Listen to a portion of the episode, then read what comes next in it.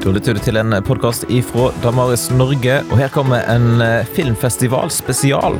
Vi skal rett og slett eh, lage noen episoder som setter fokus på den norske filmfestivalen i Haugesund. For der eh, reiser vi ifra Damaris Norge. Her er dagens episode.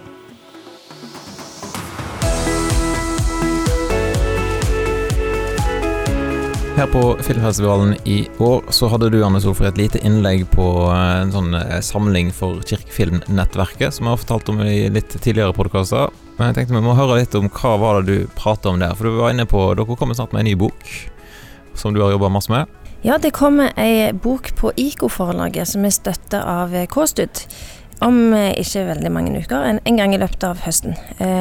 Det er en kortversjon av ei bok som vi jobba med for en del år tilbake som heter 'Manus for livet'. Denne boka heter 'Fokus film' og har eh, som siktemål å være til hjelp eh, for den som ønsker å bruke film i menigheten, eller å hjelpe eh, de som eh, barn og unge eller andre i menigheten som er glad i film, til å bruke det på en bevisst måte.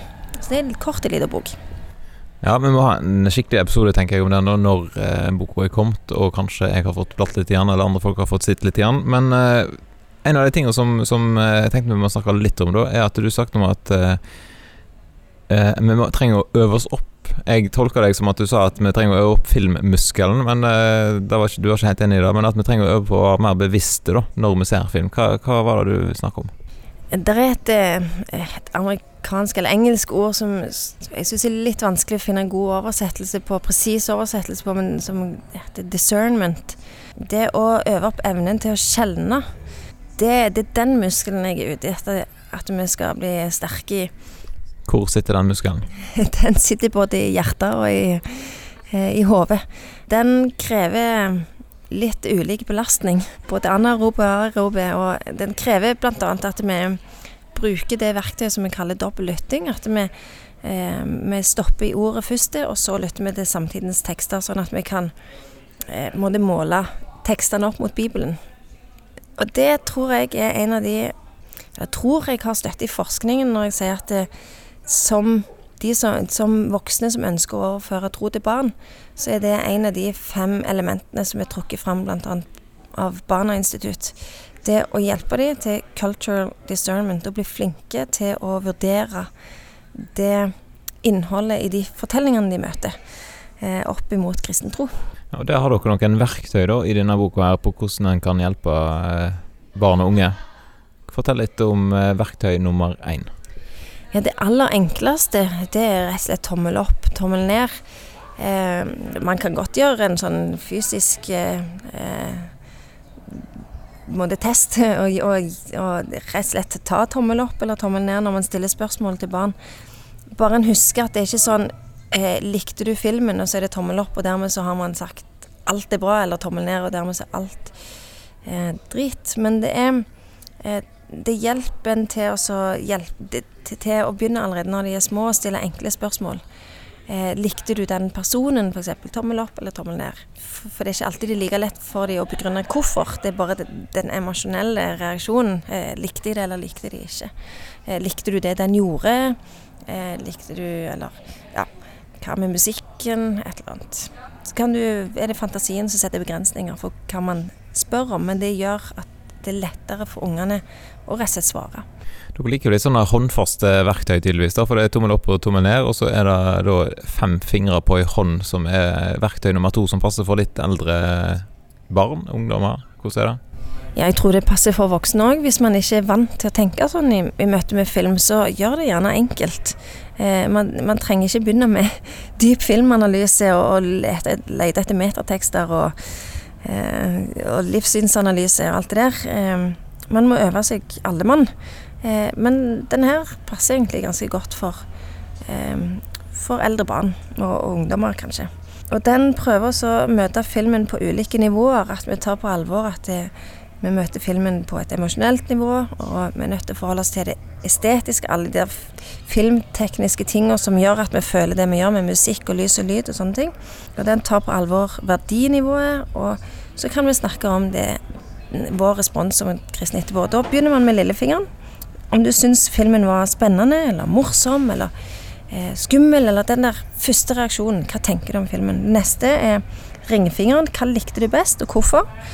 Da, begynner, da, går man litt dypere enn tommel opp, tommel ned, for da må man svare på hvorfor.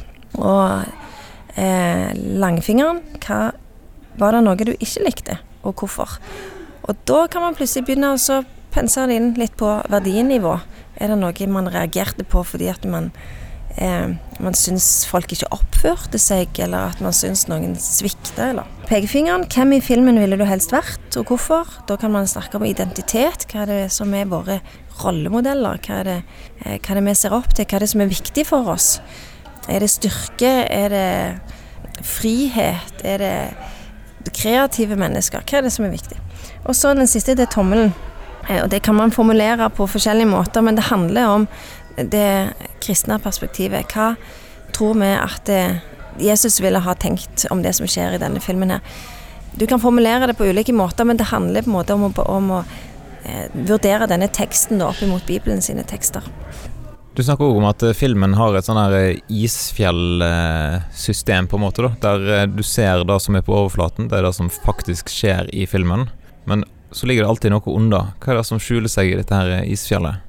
Ja, det er når du kommer ned på det, den siste nivået av analysen, etter du har vært gjennom det emosjonelle og det e, estetiske verdinivået, sånn, så, så leter man etter hva for noen underliggende livssyn er det vi møter i denne filmen. For det ligger alltid spor av livssyn.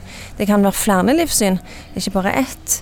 Men veldig mye blir avslørt av det som blir sagt og gjort. Men det er det du ser sånn helt Det er det som ligger over vannflaten. Handlingen og, og det personene sier. Men under der så ligger der, rett under overflaten så ligger det jo noen verdier. Hvorfor er det de handler sånn som de gjør?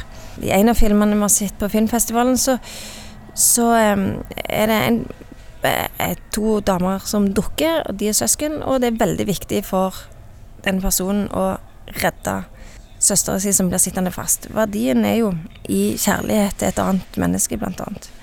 Menneskesynet eh, ligger under der igjen. Er det sånn at vi bare er en del av naturen? Er det eh, en slags naturalisme som blir formidla, eller er mennesket skapt eh, og, og, unikt? Og med, med en hensikt fra, fra en skapergud. Under der igjen så ligger virkelighetsforståelsen. Det, eh, og helt nederst så, så, finner vi troa. Hvor er det de fester tilliten sin henne? Hva er det de leter etter som skal gi mening? For til syvende og sist så, så må vi alle ta et steg i tro når det gjelder det med å finne noe å sette tillit til, hva vi mener gir, gir mening i livet. Det, det er et trosspørsmål til slutt. Ja, så hvis du vil vite mer om disse tingene her, da er det rett å smøre seg med litt tålmodighet til denne boka kom ut, som heter Fokus film, på IK forlaget. Den vil du sannsynligvis eh, få høre mer om her på podkasten til eh, Damaris Norge, og i hvert fall hvis du følger med på de ulike sosiale kanalene til Damaris på Facebook, og Snakk om tro har jo en Instagram-konto, så det er det garantert at du vil få med deg når denne boka her omsider kommer ut.